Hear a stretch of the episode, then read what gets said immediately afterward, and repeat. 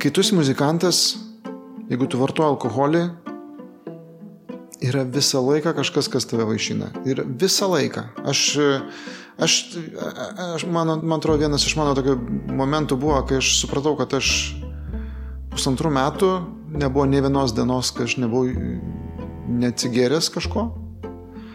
Ir aš neišleidau jokių pinigų tam. Tai yra vis laik kažkas, kas tave vaišina. Visada. Labas. Ačiū, kad įsijungėte Nara podcastą. Čia Karolis Višniauskas, tiesiai iš namų studijos, kaip dabar jau ir kiekvieną kartą, iš kambario Vilniuje į, kad ir kur jūs šiuo metu esate.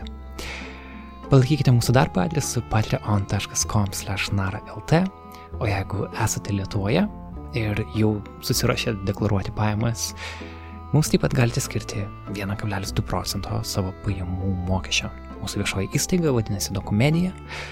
Mums kaip pelno nesiekiančiai organizacijai tai yra vienas iš būdų išlikti ir aukti, tad esam dėkingi. O šiandien mes norime pasidalinti interviu su Andriumi Mamontovu. Žmogumi, kuris tiesiog yra tam tikra konstanta. Atrodo, kad mes keičiamės, muzika keičiasi, Lietuva keitėsi ir pats Andrius be abejo keitėsi. Bet tuo pat metu jo buvimas suteikia tam tikrą ramybę, tam tikrą vieningumą visuomeniai, mūsų visuomeniai, kuri šiuo metu atrodo pakankamai susipykusi tarpusavyje, arba mums tai gali atrodyti, jeigu per daug laiko leidžiam Facebook'e. Ir galbūt dėl to norėjau susitikti su Andriu. Kai jam parašiau dėl interviu iš tikrųjų net nebuvau apmastęs, apie ką noriu kalbėtis. Tiesiog jaučiau, kad dabar yra metas, kada tiesiog noriu paklausti Andrius, kaip jam sekasi. Ir kažkaip nujaučiau, kad tas buvimas su juo ir to perdavimas jums atneš tam tikrą vieningumo jausmą, nes vis dėlto foje muzika, Andrius muzika daugeliu mūsų kažkurio gyvenimo etapu buvo svarbi. Jo dainų tekstai kartais labai paprasti, tarsi sakantis elementarias tiesas, jie buvo reikalingi, jie yra reikalingi, tai tikiuosi, kad viena vertus, klausant interviu, galbūt įsijungs nostalgijos momentas, o kita vertus, na, labai nesinori paties Andriaus įdėti į kažkokį istorinį muziejų, jis yra kuriantis menininkas, pulsuojantis šiandieną ir man norėjosi užšiuopti, kuo jis gyvena. Ir klausantis labai labai kviečiu jūs užsukti į NARA.lt tinklalapį arba mūsų Instagram. Berta Tilmantaitė, kolegė, padarė įspūdingas Andriaus nuotraukas, tokie nauji, vieni ikoniniai portretai prie pat jo namų Vilniuje, kur mes ir susitikom. Labai labai kviečiu pamatyti. Ir girdite muziką, kuris skamba, ji nėra tipinė Naro muzika.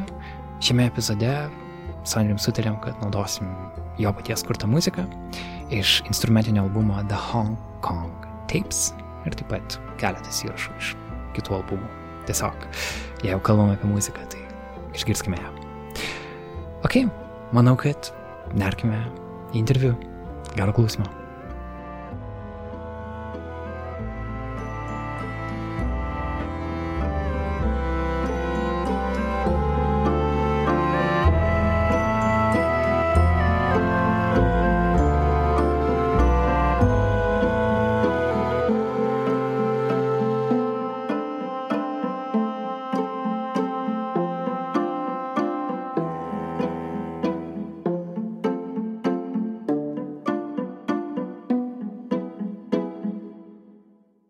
Labas, Andriu. Labas. Ačiū, kad skiri laiko ir kad pasikvietė netgi į savo namus ir pavaišinai mane vietnamietišką kavą. Prašau. Labai skani kava su kondensuotu pienu. Aš jaučiuosi kaip mano mačiutė mane vaikystėje, kai norėdavo, kad į savo pusę palenktų, tai mane vaišino kondensuotų pienų. Gal mes nežinom, gal mes visi vaikystėje gėrėm vietnamietišką kavą. Galbūt. Um, žinai, aš tiesiog pradžioje noriu paklausti apskritai, kaip tu gyvas esi, nes šitas klausimas šito laiku yra svarbus žmonėm, nes visi yra truputį kitaip gyvi negu buvo anksčiau. Vis dėlto mes jau beveik metai daugiau mažiau karantinę esame. Mhm. Tai aš esu, aš iš principo gyvas panašiai kaip visada. E, šiek tiek trūksta galbūt judesio, tapsime, geografinio judesio, kad važiuot kažkur koncertuoti. Tiek Lietuvoje, tiek, tiek kažkur e, užsienį, bet uh, Iš visus metus įrašinėjau kažką tai, kažkokius renku garsus, redaguoju. Buvau čia kažkada įkritęs į nuotraukų redagavimą, vėl grįžau prie muzikos. Esu prirašęs daug ambientinės, elektroninės ir netgi techno muzikos.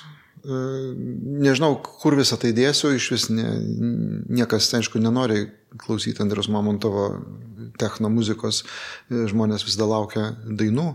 Tai bet turiu ir, ir dainų, parašęs dainų ir beveik turiu praktiškai parašęs pilną albumą, kurį, kurį pradėjau rašinėti visai neseniai. Tiesiog jaučiu, kad taip norisi kažką, kažką veikti, kad e, pastarųjų e, kokių 15 metų bėgi naujas albumas pas mane pasirodydavo kas, kas 3-4 metus. Paskutinį išleidau pernai, Ir e, įtariu, kad šiemet e, bus naujas albumas mano, nes na, buvo pakankamai daug laiko, kad skirti dėmesio dainų rašymui. Ir pradėjau rašinėti jau, nu, jau tas dainas ir yra, įrašinėjau, dir, pradėjau dirbti ties to, tiesiog noriu, noriu kažkada šių metų bėgėje išleisti naują albumą.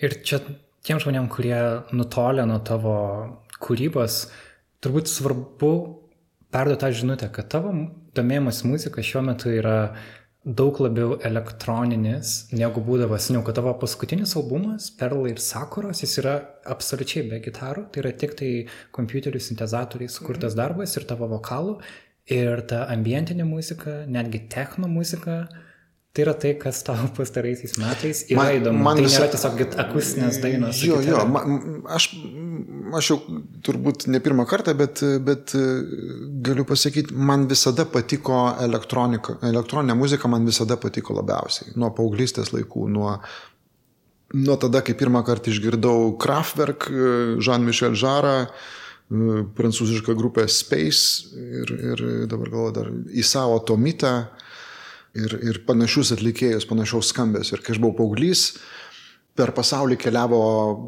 technopop muzikos banga ir, ir visos tos grupės, e, ten depešai, nežinau, depešai, jėzų, visa naujosios bangos, visa muzika. E, mane labiausiai visada žavėdavo tas elektroninis sintezatoriaus garsas. Bet e, gitaro, gitara, naujam albumui gitara bus, e, nes aš, aš niekada nesu linkęs taip visai prisirišti prie kažkokio vieno modelio, e, norisi, na, kažkaip ne, tiesiog praeitam albumui aš nusprendžiau įgroti viską tik tai klavišais ir, ir tekstuose ne, ne karto nepada, nepanaudoti žodžio dangus. tai, bet, menulis buvo. Jo, bet Perlai ir Sakuro, Sakuros albume nėra nei vieną kartą pavartota žodis dangus. Galite perklausyti visas dainas, pamatysit, kad nemeluoju. Tai naujam albume aš, aš kažkaip tiesiog neužsidavęs jokių iš ankstinių didelių taisyklių, aš a, rašiau naujas dainas ir, ir aš jas dabar tiesiog įrašinėjau taip, kaip aš girdžiu Kaip aš girdžiu, ko reikia tai dainai konkrečiai, tai jeigu aš girdžiu, kad jai reikia gitaros, tai aš ją įrašau. Tai ne, ne, neturiu tokio dabar specialaus kažkokio tai e, tokios užduoties, tiesiog noriu įrašyti taip, įrašinėti taip, kaip šią akimirką jaučiu, taip, kaip man patinka, taip, kaip, kaip girdžiu. Tai kol kas dar ne, net nieko negaliu sakyti apie nuo albumą, jisai tik tai už tokiam pradiniam etape atsiradimo dabar yra. Kaip tu žinai, kada daina yra baigta? Aš atsimenu, klausiau kažkada interviu, man tokia mėgstama amerikiečių grupė The National vadinasi. Mm -hmm. Man irgi. Ir jie sakė, kad na, kada jau prispaudžia terminas, tada jau jie nusprendžia, kad tokiai turim užbaigti, nes iš esmės tu gali tęsti ir tęsti kūrybą. Tu gali galvoti, kad gal kažkokį dar instrumentą pridėti, gal dar kažką. Ir tu nežinau. pats turi savo duoti kažkokį tašką, kad viskas, aš jau baigiau. Ne, čia yra, čia turbūt, kad e, vis tik tai yra, aš, aš kažkaip, aš kai rašinėjau dainą, aš, aišku, aš dažniausiai dirbu vienas. Jeigu mes rašinėjom su grupe, tai tiesiog e, mes sugrojam ir girdim, kad jau mums pavyko sugroti, viskas skamba, sukimba. Nes, nes, aišku, yra šiek tiek skirtingi principai, kai, kai, tu, kai tu rašinėjai vienu metu visus instrumentus. Tai yra viena e, energetika ir vienas, vieno tipo, tam tikro tipo su, sukibimas tarpusavio instrumentų, susigrojimo ir taip toliau. Kai tu rašinėjai vienas, tu vis tiek, tu kiekvieną instrumentą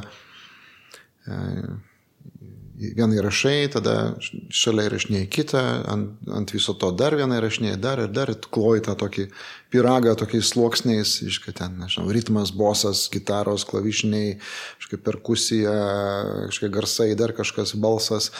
Tai, tai čia, čia turbūt galbūt trunka ilgiau, Bet e, man, man, man patinka vienam ir aš pakankamai nemažai savo albumą esu vienas įrašęs. Man, man, man patinka tas, tai yra tokia meditacija. Tu, tu, aš esu klausau labai daug kartų tą dainą. Kiekvieną kartą klausydamas, klausai nuo pradžių ir kažkurioje vietoje tu jauti, kad kažkas stringa, tu sustoji, pataisai tą vietą, tada vėl klausai nuo pradžių ir vėl kažkas ar stringa, ar kažko per daug, vėl nuėmė, arba, arba matai, kad čia kažko dar reikia pridėti, kažko, ar ten kažką reikia suredaguoti, pataisyti. Ir aš tai darau tol, kol aš perklausau visą dainą nuo pradžių iki galo, neužkliuvęs niekur. Tai tada žinau, kad jinai baigta yra. Mm. Mm. Tai tada dar uh, kartais atidedu ir paklausau po kelių dienų, kad jau būnu pamiršęs, uh, ką aš dariau kad tokia, na, nauja, šviežia ausimi paklausyti, mažiau šališkai, taip jau klausytojo ausimis paklausytą dainą, tai kartais būna, kad dar matau, kad aš palikau, dar liko kažkokia vieta, kurią, kuri man užkliuvo, o kartais paklausai ir žinai, kad, na, tai tol, kol aš nebe, kol nebeturiu ką pridėti, įrašinėjau, o paskui aš kaip tik nuiminėjau, ko nereikia, kas, kas mano manimu nereikalinga Tai jau kai nebėra ką pridėti ir nuimti, tada žinau, kad yra, yra pabaigta. Tai tiesiog skiriu, skiriu, e, skiriu daug daugiau laiko tiems įrašams. Ne, nu, nes, mm. Ir aš net galiu tiek, kiek, tiek, kiek noriu, tu manęs ne, nespaudžia jokie terminai kažkokie taip. Kalbant apie šitą laiką, kuriame mes dabar visi esam, man atrodo, kad labai yra svarbu suprasti galbūt rutinos svarbą ir man norisi paklausti vis, kokia yra tavo rutina. Aš prieš stikdamas jums skaičiau interviu su Davidu Lynchu, kuris e, daug e, metų daro iš esmės tą patį kiekvieną dieną. Jis ten išgeria kavos, tada pamedituoja, tada, e, ir tada eina dirbti. Ir jeigu jis ten bent vieną dieną nemedituoja, tada, tada viskas tarsi sugriūna. Yra, tas yra, taip. Ir e, turbūt dabar mes, kada esame uždaryti namuose, mes truputį kiekvienas esame įsipareigoję savo tą rutiną padaryti, nes tarsi ir jeigu dirbi iš namų, tavęs nelabai kas ten pažiūrės, jeigu tu iš tikrųjų nedirbi. Mm -hmm. Ir mhm. tu toks savikontrolę turi. Įsivaizduočiau, kad tu visą laiką dirbdamas savo ir daugiau dirbdamas turbūt iš namų turi kažkokius momentus, kaip tu, kaip tu apskritai gyveni, kokia yra tavo, žinai, ta dėlionė. Ir man būtų įdomu, jeigu tu kažkiek atskleistum, kaip, kaip tavo rutina atrodo. Jo, čia tas e, rutinos e, momentas ypatingai dabar. Ir prieš mums susitinkant aš nekėjau su savo bičiuliu e, irgi žurnalistu Gintaru Kudaba, mes su juo kartu mokykloje mokėmės, kartais taip paplepam. Tai jis, jis kažkaip sako, irgi sako, buvo apie mus depresija, bet sako, paskui nusprendžiau tiesiog laikytis rutinos ir išsisprendė viskas. Tas ne, kad dabar Ir yra tokie momentai, kur tu supranti, kad, na, tarkim, yra kažkoks darbas, kurį reikia atlikti. Ir lygiai taip pat supranti, kad jeigu tu tą darbą ne šiandien, o rytoj padarysi, niekas, niekas iš vis nuo to nepasikeis. Ir, ir jeigu tu rytoj pagalvosi, kad galbūt jį dar dienai atidėti, irgi tai, tai nieko, ne, nieko nepakeičia. Ir čia yra tas pavojus būtent į, į, įkristi į į tokį nieko neveikimą ir paskui tą jausmą, kad tavo gyvenimas beprasmis kažkoks, kad tu, kad tu tik egzistuoji, kad nėra perspektyvos ir taip toliau, tai, tai aišku labai svarbu laikytis bent kažkokių kelių, kelių punktų dienoje, kad, kad tu turėtum atskaitą savo, na, savo veikimo ne, arba neveikimo. Tai, tai aišku, man pusryčiai kartu su, su mano žmona Inga tai yra tas toks, mes, mes pusryčiaujam, mes pažiūrim kažkokias ten, įsijungiam per YouTube kažkokius mėgstamus savo blogerius, e, kažkokias žinias pažiūrim ar komentarus paklausom e, ir, ir tada, tada aš einu dažniausiai dirbti savo darbo kambarį.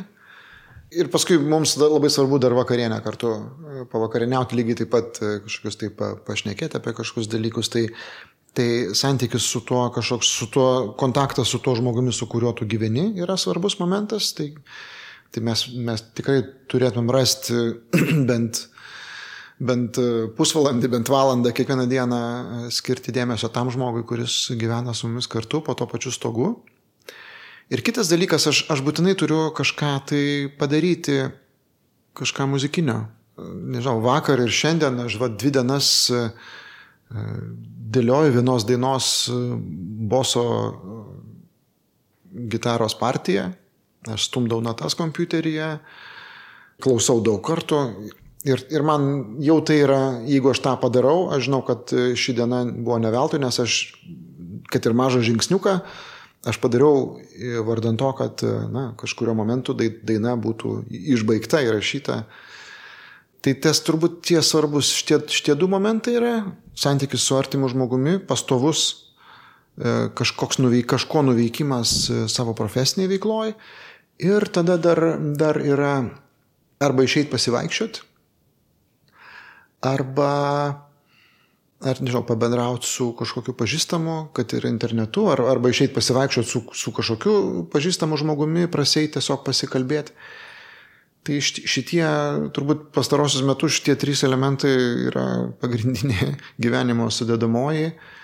To kažkaip man, man užtenka, nes, nes nu, šitame tokiame nedidelėme remelėje yra, yra pakankamai erdvės kažkam variacijom Aš kartais vietoj muzikos galbūt e, užsiemu kokiais nors e, žinau, fotografiją, kažkokias nuotraukas redaguoju, ar, ar aš kartais mėgstu kažką, e, kraftus kažkokius padaryti, kažkokius tai, nežinau,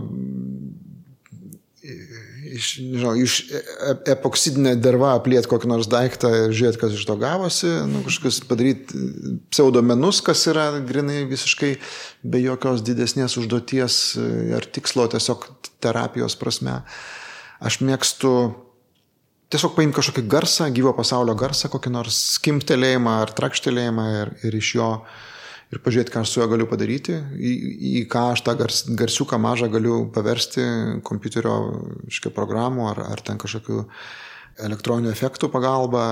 Ką, tai, tai aš tai, tai, tai toj darbiniai veikloje turiu pakankamai tokią įvairovę arba šiandien neseniai susijungiau tiesiog savo E, kažkokią tokį pasidariau tokį technosetą, kur, kur aš gyvai galiu improvizuoti su keliais sintezatoriais. Ir, ir ten jau kai aš įsijungiu, tai aš tik pradedu, paspaudžiu kelias natas ir žiūriu, kad jau, jau porą valandų praėjo ir aš jau užsivežęs kažkokį ten, iškai kažkokį motyvą su kuratu ir, ir, ir, ir kažką reguliuoju ir kažką darau ir aš esu visiškai tame. Ir, ir man, man tai teikia prasme, nes aš, nes aš, aš gyvenu tada savo tą, aš realizuoju save Na, mm. kaip, nes, nes man patinka kažką daryti su garsu. Nepriklausomai nuo to, ar, ar aš turiu, ar, ar aš tai matau, kaip, na, jeigu aš rašinėjau dainą, aš žinau, kad tai bus albumas, kad tai bus daina, kad tai jinai, žmonės ją išgirs ir aš paskui galbūt ją grosiu koncertuose. Bet aš kartais darau tos tokius visiškai kažkokius bandymus, kurie, aš, aš, aš vis nežinau, ar kas nors tai klausys. Mm. Bet man tai yra kaip, nežinau, kaip treniruotė sportininkui, prasme, kaip e, kažkokio kūrybingumo palaikymas, kaip kažkokio gal paieškojimas naujų formų ar, ar tiesiog, tiesiog pažiūrėjimas kitomis akimis į tą patį, ką aš darau ir, ir paskui ramus grįžimas vėl prie savo dainų. Tai tokio, ta, čia sakau, tu pakankamai turiu didelį įvairovę, dėl to, dėl to manau, kad menininkai uh, turbūt šitą periodą, net ir net jeigu mes netekom e, tam tikrų pajamų, ypatingai tie, kurių menai susiję su scena, tai ten teatras, e, nežinau, šokis, baletas, opera, kinas, mes, mes vis tiek turim, galim rasti savęs realizavimo tą momentą kažkokiuose tai, na, vis tiek kažkada bus koncertai, vis tiek kažkada tu išleisi albumą, tai, tai galima, na, savo fokusą sutelkti tai, kad tu kaupi naują medžiagą, išmoksti naujų dalykų, kuriuos tu paskui gali grįžti šiek tiek su kažkokiu nauja, naujų jausmų ar naujų skambesių. tai, tai, tai, tai manau, kad menininkai šitą periodą tie, kurie vis tik tai lieka prie kūrybos, jiems yra lengviau pakelti tą tokią kartais beprasmybę buvimo tokio ir kai, kai niekas lik pasaulyje niekas nevyksta. Mm. Nes viena vertus, jeigu tu norėtum, tu galėtum viso to nedaryti ir tiesiog turėti savo ten greatest hits programą ir žmonės ateitų jos klausyti, ar ne? Ir turbūt pats nuolat turi tą kažkaip savo atsakyti tą klausimą, kodėl aš noriu parašyti šitą dainą, jeigu aš jau turiu daugiau dainų, negu reikia, kad aš galėčiau visą koncertą užpildyti. Ir turbūt e, tos naujas dainos, į kurias tu įdedi tiek daug širdies ir laiko, žmonėm galbūt vis tiek norisi senųjų, nes jie prie jų yra įpratę. Ir, ir tas, ta naujoji kūryba galbūt tau yra brangesnė negu tavo klausytojam brangi. Mhm. Ir tame yra tam tikras, įsivaizduočiau, kad yra kažkoks pasimetimo momentas, tai kam aš, kam aš tai darau ir kaip, kaip tu savo tai Jo, jo, yra, yra. Aš nekartą šitą klausimą savo e, esu uždavęs ir, ir aš irgi aš visada puikiai suprantu, kad žmonės į koncertus atėjo, atėjo jie nori girdėti laužo šviesą, nori girdėti kitoks pasaulis, saulės miestas. Ten, ir čia patikslimai, kad, pažiūrėjau, kitoks pasaulis yra daina, kurią tu parašai, ar net 18 būdamas? 85 ber ar 4 metais. 17?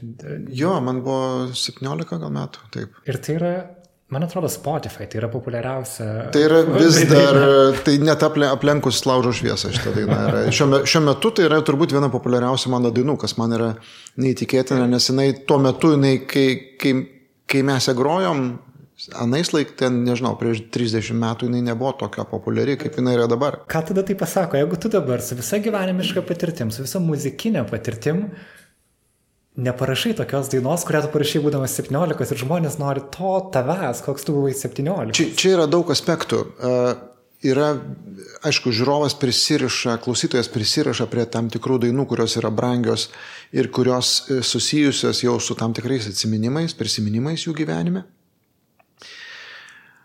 Kitas dalykas, kaip ir bet kuris kitas žmogus, aš nesu visą laiką vienodas, aš man norisi keistis, man nesinori rašyti vėl ir vėl tos pačios dainos. Kartais klausia, kodėl neparašai tokios dainos kaip laužo šviesa. Aš sakau, nes aš jau ją parašiau, aš, tašia, aš nebenoriu uh, į, į, rašyti, aš, juolab, aš nebekalbu tokią kalbą, kokią aš kalbėjau tada.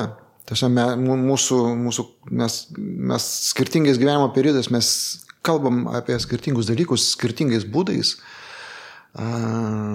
skirtingus žodžius netgi naudojam, išmokstam naujų žodžių, kažkokius užmirštam, kai kuriuos išbraukiam iš savo e, raciono, iš savo paletės žodžių. Tai, tai natūralu, kad aš keičiuosi, bet e, ir aš, ir aš visiškai dabar, aš kažkaip jau suprantu, kad aš, aš jau po truputį, aš jau priejau, man atrodo, tą tokį susitaikymo momentą ir man visai smagu groti senas dainas koncertuose ir, ir jeigu žmonėm tai teikia džiaugsmą, tai man viskas, tai viskas, ko man reikia, aš noriu aš noriu žmonėm teikti džiaugsmą. Tai man, man, mano, jeigu, jeigu koncertas geras visada yra tada, kai žmonės, žmonės išėjo pilni džiaugsmo. Net, net jeigu tu dainavai liūdnas dainas, e, tašne, tai nepriklauso nuo muzikos e, žanro, tai tu suteiki džiaugsmą e, tiesiog tuo, ką tu darai scenoje ir, ir kaip ir žmonės tą džiaugsmą patys generuoja, iškia, klausydami ten kažkokių dainų, prisimindami kažkokius dalykus, grįždami tam tikras emocijas arba, arba patirdami naujas emocijas. E, bet e, nauja kūryba, e, taip, aš galėčiau praktiškai nebeišinėti jokių dainų ir, ir, ir aš kasmet galėčiau turėti netgi skirtingą koncertinę programą, nes aš turiu apie, apie, apie 200 dainų ir iš jų kokią turbūt aš tai bandžiau skaičiuoti iš, iš tų 200 kokią 50-60 dainų yra gerai žinomos dainos. Tai aš galiu turėti netgi kelias koncertinės programas skirtingas iš, iš tikrai gerai žinomų dainų, kurias visi dainuoja kartu koncerte. Tai čia šitoje vietoje. Bet aš, aš tą dar pasilieku, na kaip čia, čia aš sakyčiau, čia būtų išėjimas į pensiją kai tu nebe, nebe, nebekuri nieko naujo ir tik tai atlieki senas dainas, kas jeigu ir nutiks, aš visiškai manau, kad priimsiu tai normaliai, bet e, mano galbūt tiesiog ieškojimo laukas, e, atsidūrė kitoje vietoje. Aš kažkuria prasme suprantu, kad aš išsiemiau savo tam tikrą, išsakiau tam tikrą savo uh, arsenalą, kurį aš turėjau, aš jį, aš jį kaip, kaip po, iš toje dainos rėmose, ką aš galiu daryti, aš kažkuria prasme, na, e, e, esu pakankamai didelę paletę skirtingo, skirtingų ir dainų ir, ir kažkur netgi skirtingose truputėlį žanruose į, įrašęs. Bet e, man vis tiek yra labai įdomus garsas, man vis tiek labai yra įdomu kažkokia atmosfera, kurią kūrė, kuri atsiranda garso pagalba. Man įdomus tas momentas, kaip mes suvokiame pasaulį per garsą kaip mes e, kartais net e, sąmoningai nekreipdami dėmesio į tai, kaip garsas veikia mūsų, nežinau, orientavimas erdvėje, kaip veikia tam nuotaikas ir, ir, ir savijautą. Man, man šitie visi dalykai labai įdomus ir, aš, ir, ir ką galima padaryti su garsu. Ką, kaip iš kažkokio tai mažiausia triukšmelį kažkokį įrašęs tu gali iš jo ištraukti keiščiausių dalykų, ištrauk, apipjovęs tam tikrus dažnius arba tam tikrus dažnius išryškinęs, gali, gali, gali, gali kažkokias padaryti to garso transformacijas kažkokias neįtikėtinas. Tai, tai dėl to man yra įdomi elektroninė muzika, nes elektroninė muzika didžiaja dalimi e, yra apie garsą kaip po tokį. Kartai žmonės klauso elektroninės muzikos ir girdi ten tik tai kažkokį bumsėjimą ir coksėjimą ir laukia galbūt melodijos ir laukia kažkokio tai aiškaus to, aiškios muzikinės formos, jos nesulaukia ir sako, a, čia nesąmonė, bet elektroninė muzika yra visiškai kiti, kiti dalykai. Tai yra, tai yra daugiau apie garso transformaciją, apie naujo garso kūrimą. Tai, va, tai dėl to aš, aš, na, aš esu išleidęs keturis, keturis instrumentinius albumus. Pirmą išleidau 97 metais, net ne, ne savo vardu, jis vadinasi Transas, mhm. net savo vardo ne, nesu ten ant jo parašęs. Paskui, paskui išleidau albumą Tyla e, ir, ir, ir vat, prieš kelis metus išleidau Memories of Something That Never Happened ir e, The Hong Kong Tapes.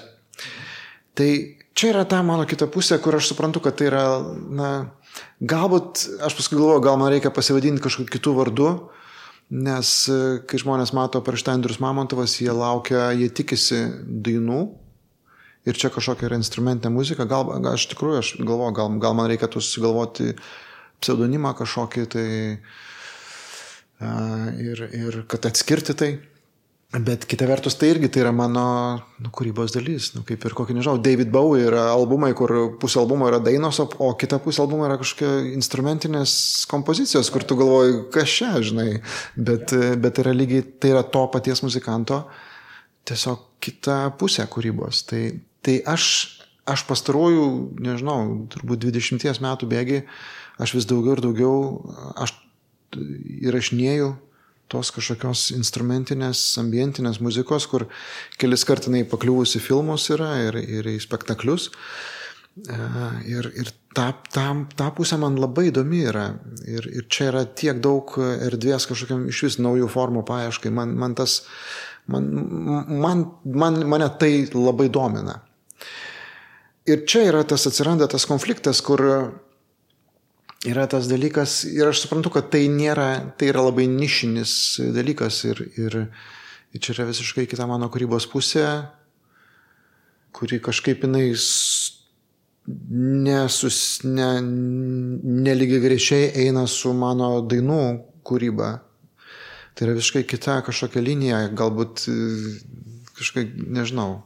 Ar jinai tiesiog taip ir bus kažkur šalia, kaip man kaip kaip, kaip hobis kažkoks, aš gal kaip žiūriu tą elektroninę muziką kaip hobį, tik tai kažkokie tai momentai iš jos kartais pakliūna į dainas, e, kažkoks garsas galbūt, kurį aš ten su, uh, sugeneravau e, įrašinėdamas. Tai, tai, bet aš kažkaip dabar esu su tuo taikoje, aš suprantu, kad aš tiesiog sukuriu daug daugiau medžiagos, negu mano klausytojas ją girdi. Ir tai yra irgi puikus dalykas, nes nu, čia kaip ir aktorius, kuris ruošiasi roliai, surenka labai daug medžiagos apie tą personažą, kurį vaidina, bet į sceną išneša tik tai kelis dalykus, bet kai jis turi bagažą didžiulį už savo nugaros, tu jauti, kad e, tie ten keli kažkokie momentai, kuriuos tu matai scenoje, kad už jų yra kažkoks didžiulis e, gelmė didelė. Tai, tai aš manau, kad net kai aš dainuoju tas e, senas savo dainas koncerte, aš vis, visa mano kita kuriama dabar muzika, jinai yra už mano pečių visą laiką. Ir, ir tai tiesiog kažkaip jaučiasi, nes aš visai kitaip e, stoviu scenoje dėl to, nes aš turiu daug didesnį fundamentą, gilesnį, negu kad tik tai e, matosi toje populiarioje ten dainoje kažkokioje. Mm. Man čia skamba kaip, e, kad iš tikrųjų žmogus tiesiog yra komplikuotesnis, negu mum gal norisi įsivaizduoti. Mes, mes, mes, aš, aš, aš tą labai gerai suprantu, nes jeigu, žinai, jeigu aš eičiau kokį nors uh, Brian Ferry ir Roxy Music koncertą, aš norėčiau girdėti tik tai tas savo mėgstamiausias dainas. Ir aš visai nenorėčiau girdėti jo ten kažkokių, kuris ten kažkokius yra įrašęs keistus albumus, kažkokia tenai, nežinau, ten 20-ųjų, ten 920 metų kažkokio dainų coveriai, žinai. Nu, ne, man tai visiškai, bet aš jį kaip, kaip atlikėją, aš suprantu, kad jisai, tai yra tiesiog žmogus realizuoja save, nes jis nori tai daryti. Mhm. Tai, tai tas, ir tai turi labai nišinį klausytoją, galbūt yra dalis klausytojų, kuriem, kuriem galbūt patinka tik tai ta tavo keistoji pusė, negu ta tavo populiarioji pusė. Tai, tai, tai kaip ir sakai, jo, mes esam daug, mes, mes labai mėgstam viską sukategorizuoti, priklijuoti etiketę ir kad maždaug jeigu aš ten klausau, nežinau, depešų, tai aš noriu girdėti tik tai va tokį va skambės ir jokio kito aš nepripažinsiu.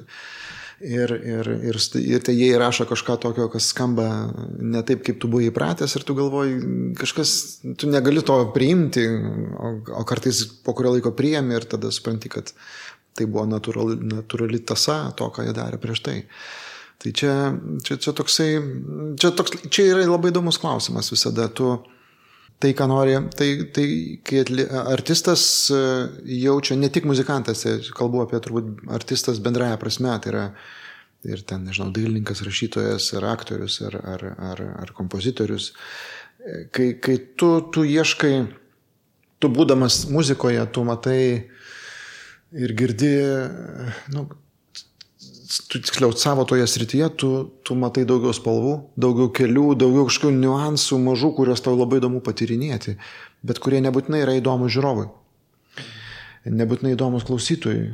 Tai, tai vėlgi sakau, tas, aš manau, kad tai, ką aš darau, tą savo nematomą kūrybos pusę, jinai vis tiek kažkaip prisideda prie tos matomos. Jinai, jinai tiesiog tam suteikia uh, jinai man suteikia kažkokią tai jėgos e, ir, ir, ir stiprybės, sakau, aš, aš dėl to, turėdamas didelį, didelį bagažą už nugaros, aš visai kitaip stoviu scenoje.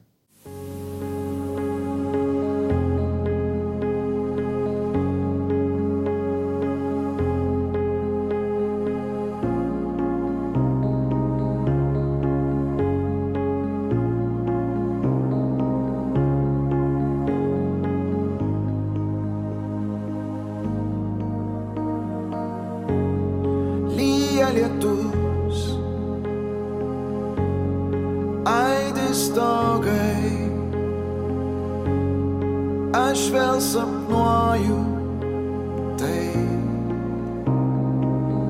sename mieste nakties garsai.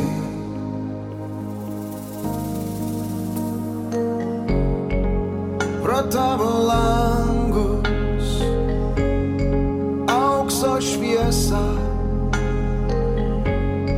aš vis dar laukiu.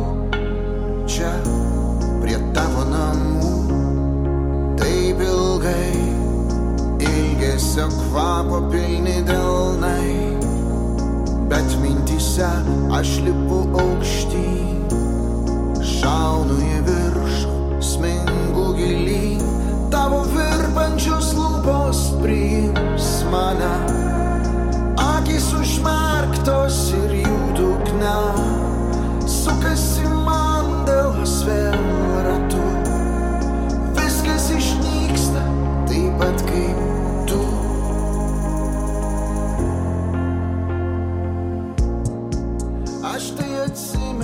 Gali pavardyti, kiek turi savo studijoje sintezatorių? Aš, aš, nesen, aš kadangi kėliausi į naujus namus dabar, tai aš pervežinėjau viską, tai aš priskaičiavau, e, yra didesni, yra ir mažesni kažkokie, ir visai mažiukai yra, tai sumoje aš turiu gal 27 ar 28 įvairios paskirties sintezatorius arba įrenginius sintezuojančius, reiškia, leidžiančius garsą. O, 28. Nu, per, jo, kažkur apie 28. Tai aš jau čia bandau sustoti juos pirkęs ir suprantu, kad aš tiesiog noriu dabar jau labiau susikoncentruoti tai, ką įvaldyti tos instrumentus, kuriuos aš turiu ir, ir iš jų išgauti iš jų tai, tai, ką aš, tai, ką iš jų galima išgauti, ar tai, kas man būtų įdomu.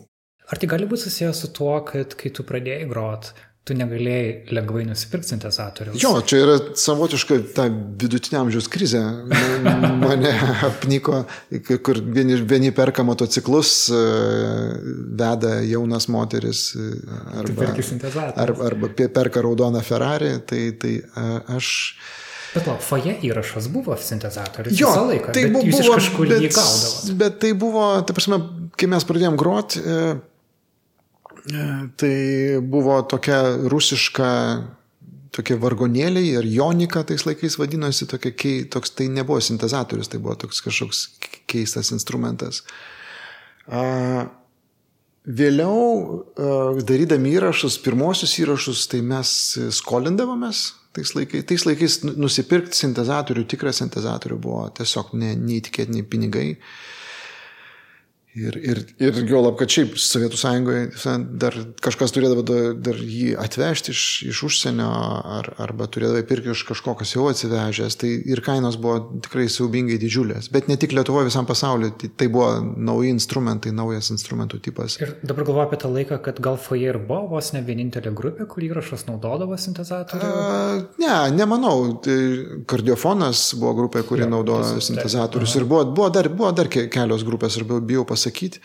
Aišku, ne, Saulės laikrodis, e, jie turėjo netgi mūgo sintezatorių, kas mūgas, tai yra čia, sintez, čia, kaip, čia kaip jeigu automobiliai būna ten, nežinau, Lamborghini, ten, ir ten kokia nors Volkswagenas, ir ten Mercedesas, tai, tai jo, tai mūgas yra, tai tas jau yra ten, nežinau, Bentlis, koks nors. Reiškia. Tai, tai, reiškia, jau toks Bet jie jau tai, neduodavo įrašą. Jo, tai jie neduoda, aišku, ar, ar, arba, arba galėdavo išsinuomoti įrašui, kas Aha. ko irgi negalėdavo, na, kai kažkaip šiais laikais tas su pinigais yra visai kitoks santykis. Tada, tada pinigų turėjai tiek, kiek priduodavai stiklo taros, kur tėvai tiesiog sakydavo, kad na, tiek, kiek tu, va, tie buteliai ten kaupėsi kažkokie nuo pieno ar ten nuo kažkokių ten limonado, paskui juos nuneši priduoti pridavimo punktą ir ir tai yra tie pinigai, kuriuos tau tėvai duodavo.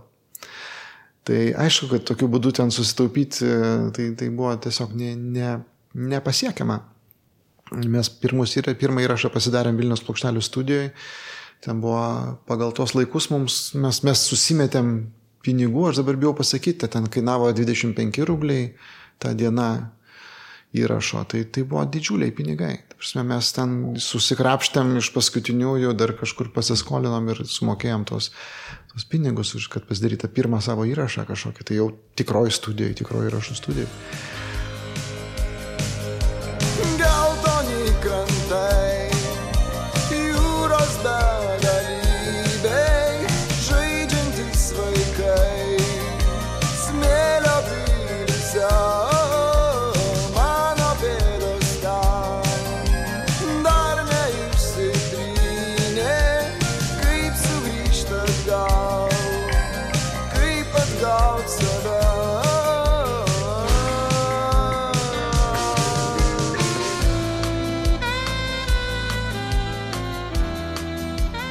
Tais laikais tiesiog na, mes neturėjom pasirinkimo, mes, bet mes pradėjom groti irgi, mes naudojom gitaras, bet mes jomis grojam taip, tarytum tai būtų sintezatorius. Vis tiek kažkokį tą imitavom, su gitara imitavom tai, ką norėtųsi padaryti su sintezatoriumi. Dėl, dėl to tie senifo įrašai, jie tokie skamba taip netgi primitivistiškai ir, ir manau, kad tuo ir žavi lab, labiausiai visus, kad tai yra tas toks visiškai primitivizmas, toks kažkoks naivus tas, tas, tas nu, tiesąkant, ir, dabar aš, aš bandau naudoti, tą, ne, neatsisakau to tokio primityvistinio požiūrio į, į grojimą, man, man jisai patinka. Mm. Ir kai klausau senus foje įrašus, e, man nesiniai atėjo irgi toks suvokimas, kad norėdamas atsekti kažkokias įtakas, kas tuo metu formavo Lietuvos muziką, aš visą laiką darydavausi į vakarus. Tai yra grupės, kurios atkeliaudavo per, vadinamą geležinę uždangą ir jūs kažkaip bandydavot tai atkartoti, bet e, aš pats nesnei pradėjau mokytis rusų kalbos ir labiau gilintis į apskritai rusišką kultūrą ir tada atradau grupę kino ir jos klausydamas aš pajutau labai panašų jausmą, kaip, kuris man kėlė iš kurį faje įrašai keldavo.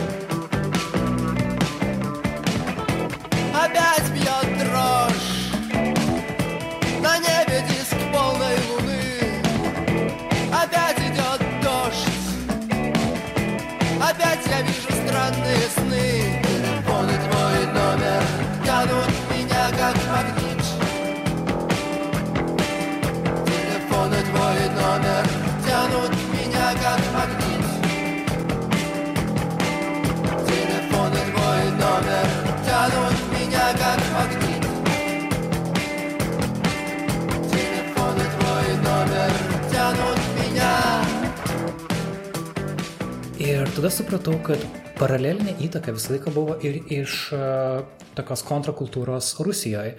Tik galbūt. Jo, bet kino niekada nebuvo mūsų. Kino praktiškai atsirado panašiu metu kaip foje. Ir A. mes jų įrašus išgirdom jau gerokai vėliau. Jo, tai aš jokių būdų noriu sakyti, kad jūs kažkaip kopijavote juos ar ką, tiesiog, kad E, jūs priklausėt panašiai ir mes turbūt, klau, ir tam... mes turbūt klausėm panašios muzikos, kokios Aha. klausė Viktoras Cojus ir jo Aha. draugai.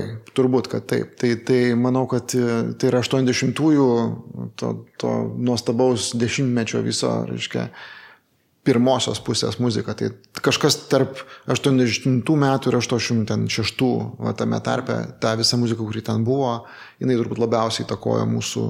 Mm. mūsų tai, tai, mes, mes mūsų tokie flagmanai, ką mes klausėm ir į ką norėjom būti panašus, tai, tai, tai buvo turbūt nežinau, Electric Light Orchestra, aišku, čia tokia jų vėlesnė kūryba, bet buvo Ultravox, buvo A Flock of Seagulls, buvo Cars, The Stranglers, šitos grupės labiausiai turbūt juose galima išgirsti, gali, kai klausai Stranglers arba Cars, tu gali išgirsti, iš kur Arnoldas Lukošius mokinosi grot klavišais. Taip, tu tu gir, gali išgirsti tos kažkokius principus, kaip ten, kaip užsikloja viena melodija ant kitos ir taip toliau. Tai, tai arba, nežinau, A Flock of Seagulls, kuri yra, man atrodo, viena ryškiausių to laikmečio grupių. Uh, in, in, in tas toks visiškas totalus paprastumas ir, ir sakyčiau,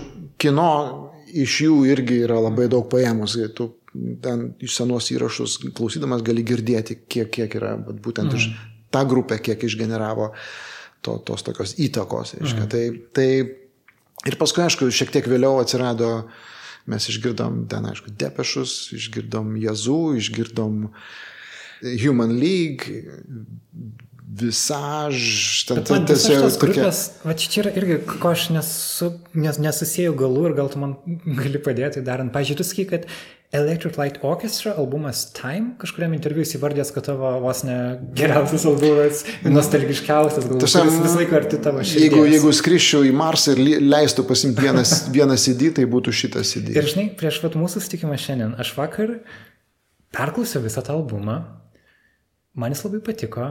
E, Nes Light Orchestra galbūt labiau žinomi iš savo paties pirmo įrašo, mm -hmm. kuris toks labiau vos nebitliškai žinai. Nu, jos tie seni įrašai. Taip. Bet kalbant apie albumą Time, jis man niekaip nepriminė nieko, ką, kur, nei ką kūrė tu esmė solo, nei ką kūrė foje. Jis atrodo daug linksmesnis, o man foje visą laiką yra truputį gotiška grupė ir tavo kūryba irgi yra toks post-gotiškumas. Nu, foje labiau į Joy Division galėtum ar gretinti turbūt. Tai atrodo, kad jūs klausėt tos tokios sintezatorinės muzikos kaip vat, Human League, kuri iš principo yra šokių muzika, linksma muzika, mm -hmm. bet padarėt iš to tokį lietuvišką minorinį variantą. Nu, čia pramušė tautiniai brožai visi. E, nežinau, čia, čia aišku, čia nėra... E, Electric Light Orchestra yra tai, kas man labai patiko, bet ko aš niekaip negalėjau atkartoti. Ten yra ten, ten kito... kito Technologiškai ten, tiesiog ir, ir, ir, ir, ir, ir muzikaliai, ten yra kito ligmens visiškai muzikavimas, ten yra visai kita. Ten yra, ta, tai yra sena grupė, senos kartos grupė, turbūt iš senų visų grupių jinai, jinai man labiausiai patinka. E, ir po šiai dienai labai mėgstu. Tai, bet, bet, bet tai buvo, ką, ką, ką, ką tu klausėjai kas tau patiko, bet suprasdavai, kad, na, šitaip, tu, tu šito, na, tu stengdavasi tai atkartot, bet tau visiškai gaudavosi kažkas kito. Bet gaudavosi, gaudavosi labiau panašu į, į, į, į ten, į, į, į, į, nežinau, New Order ar ten kažką, į, tą, į, tą, į tą pusę. Tai, e, tai, tai čia tas, nežinau, čia to, man, man tas albumas patinka, nes jisai e, apjungia, jis apjungia tą seną, tokį seną roką, tą tokį bitlišką šiek tiek, Ir 80-ųjų tą pradžios, tą, ten vis tiek yra jau elementai tos truputėlį to elektropop kažkokie prasimuša tame albume. Ir man tai yra labai gražus derinys e, tų kažkokių, jis man yra toks kaip kažkoks iš seno roko pereimas į naujosios bangos kažkokius laikus. Tai man, aš, man, kai tas albumas išėjo, man buvo 14 metų, aš atsimenu, aš jį klausiau non-stop. Mes, mes su klase važiavom į ekskursiją į Anikščius, pasižiūrėti Baranausko kletelės ir dar, dar kas ten dar yra Anikščiuose, puntuko akmens. Ir vienas klasiokas turėjo kasetinį magnetofoną ir jis sako, aš turiu naują elektrikų kasetę. Ir, ir mes, ir daugiau nebuvo kasečių ir mes visą kelią, visą kelią iki Nikščių ir paskui gal klausom tos kasetės, kol, kol baterijos nenusėdo ir magnetofonas nepradėjo tempti jau ten muzikos. Ir tai buvo tas vienas albumas ir aš kažkaip atsimanis, taip, man patiko viskas ir man po šiai dienai jame patinka viskas. Ta prasme, tai yra kažkoks... Bet, bet tai nereiškia, kad aš groju tokią muziką. Būna, kur tu paklausai muzikos, sakai, aš irgi taip galiu. Mm. Ir tada tu tesi tą liniją kažkokią tai. O būna, kur tu paklausai, tu spandi, aš taip negaliu, bet tai yra žiauriai gerai. tai, ja. tai turbūt elektrikai man yra tas, e, tas, tas, tas, tas kur kur aš nežinau, ar aš taip galiu. Gal dabar jau šiek tiek galiu, bet tada tikrai taip negalėjau. Mm. Ir, ir Perlai ir Sakuros albume galbūt galima išgirsti šiek tiek Electric Light Orchestra kažkokių mažų e, tokių atspalvių. Aha. Nes, nes šiaip laikui bėgant vis tiek perpranti po truputėlį tos principus, kaip, kaip vyksta, kaip, kaip, kaip reikiuojasi garsas, kaip reikiuojasi harmonija. Uh, Tada e, nie, niekaip ne, tai ne, mm. nebuvo. Tai, tai, tai sakau, čia toks, tas irgi yra, kas, kas tave įkvepia, kad įkvepia dalykai kartais, kur tu sakai, kur, kur, kuriuos tu gali padaryti ir įkvepia dalykai, kurių tu negali padaryti, kurie yra kaip kažkoks nepasiekiamas, bet, bet, bet tai tave įkvepia vis tiek judėti. Tai, tai, tai čia tiek, tiek apie to, apie to laikmečio tą, mm. tą, tą muziką Bet aš asmenu, aš kai išgirdau, e, tarkim, Soft Cell, Tainted Love, aš, aš, buvau, aš buvau visiškai apakęs nuo to, kaip skamba instrumentai to dienoj, kai, kai įstoja ritmas, kai įstoja bosas, kaip skamba tie sintezatoriai, arba nežinau, e, Depeche Mode e, daina My Secret Garden. Ten prasideda nuo sintezatoriaus tokio intro. Ir aš klausydavau, aš galvoju, kaip, kaip kas tai per garsas, kaip gali būti toks kažkoks, jis kažkas jame tokio yra, kas mane tiesiog, ta, ta, tiesiog, nežinau, ir po šiai dieną šį kartą, jeigu pasileidžiu to, tai man tos dainos intro ten kažkoks ten tas, bau, toks sintezatoriaus garsas, kuris yra, Nes jis ne, ne, ne, nežinau, jis mane mm. pakerėjęs yra visiškai. O kaip tu su tais įrašais, tai čia turbūt ir dviejopas, dviejopas būdas, kaip priimti tokią situaciją. Viena yra, kad tu supranti, kad neturi tokių įrankių, tu negali padaryti taip ir tarsi jaustis dėl to kažko blogesnis. Kita vertus, tai, ką tau pavyko padaryti, ne vienam kitam Lietuvos muzikantui nepavyko padaryti. Jūsų Vingio parko, žinai, koncertas, foje paskutinis yra rekordinis žiūrovų skaičiumi, tau e, įrašų pardavimai ir visa kita tiesiog e, yra tarsi žaidi kitoj lygoje ir Lietuvoje tu gali visiškai ramiai jaustis, kad turi atskirą tokią kategoriją praktiškai. Bet, žinai, kai žmonės lygina visą laiką save su kažkuo, kas yra dar aukščiau, Ir ar tu kažkada radai tokią taiką, kad, aha, ten yra depešai, aš nebūsiu depešai, bet tai, kas aš esu, yra pakankamai gerai.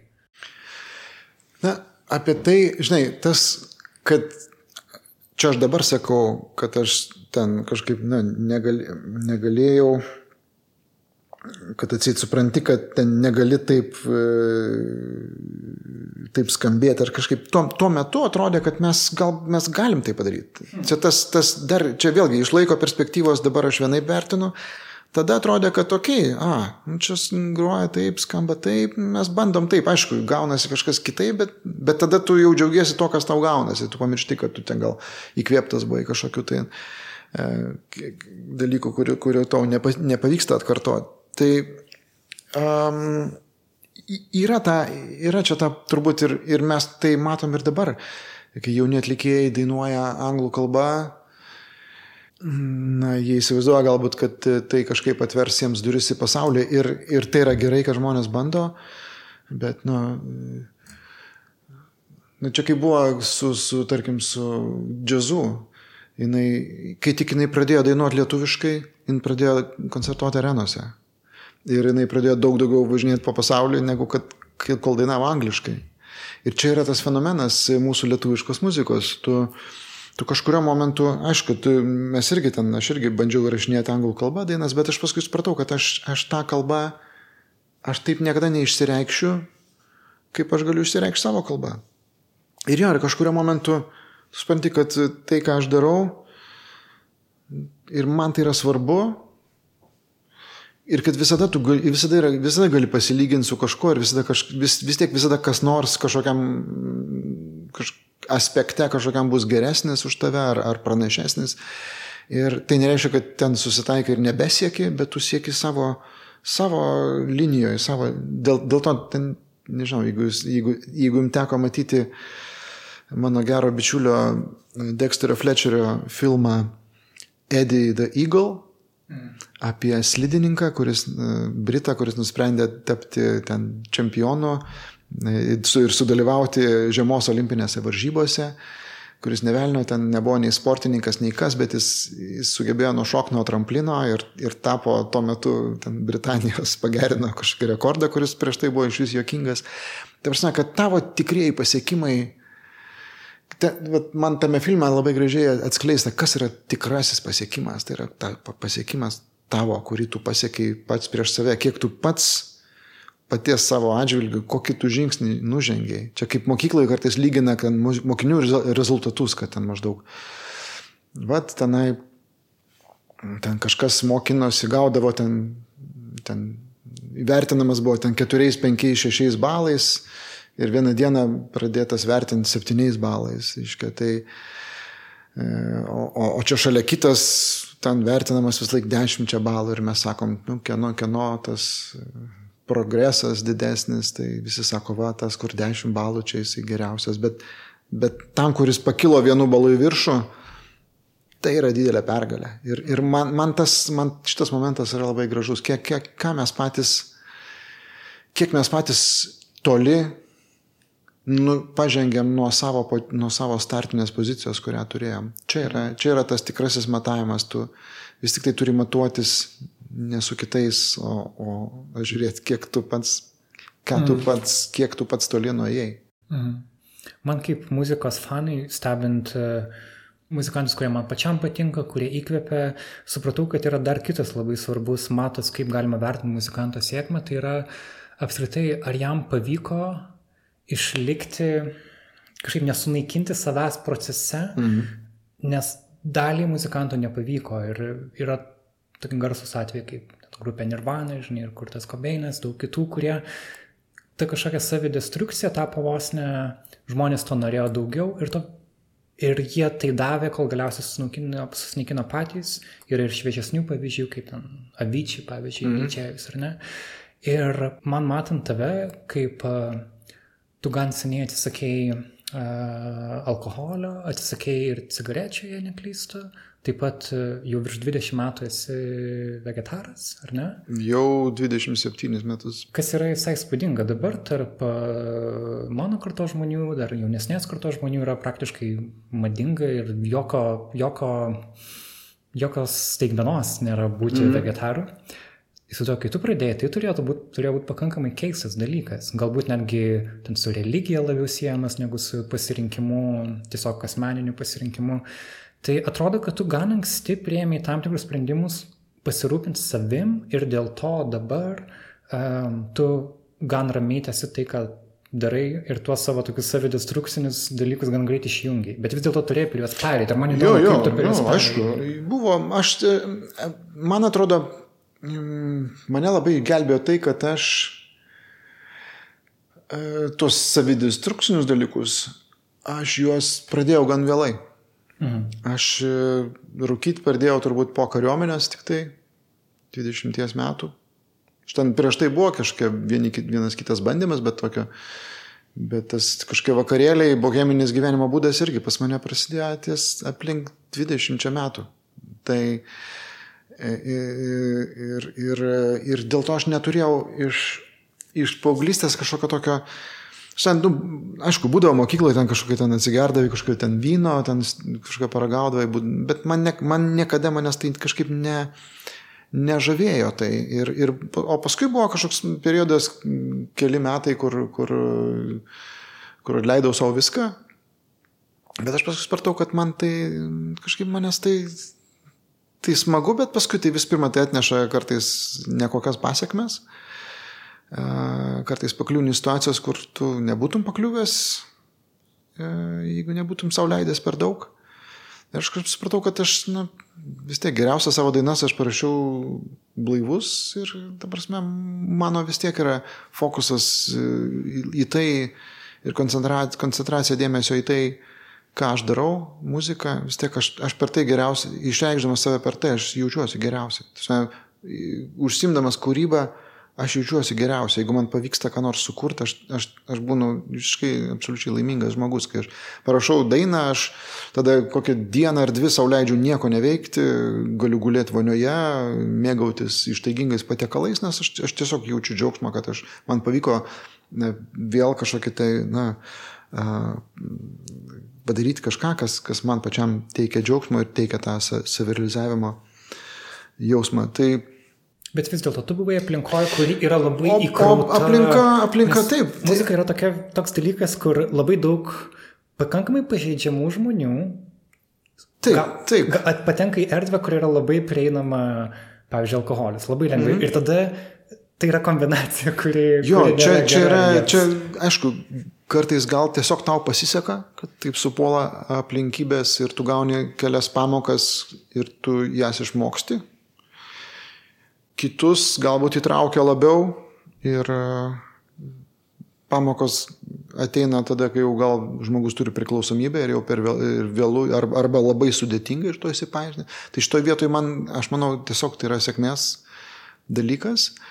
Aišku, kai, kai tu esi muzikantas, jeigu tu vartoji alkoholį, yra visą laiką kažkas, kas tave vaišina. Ir visą laiką. Aš Aš, aš man, man atrodo, vienas iš mano tokių momentų buvo, kai aš supratau, kad aš pusantrų metų nebuvo ne vienos dienos, kai aš nebuvau neatsigėręs kažko.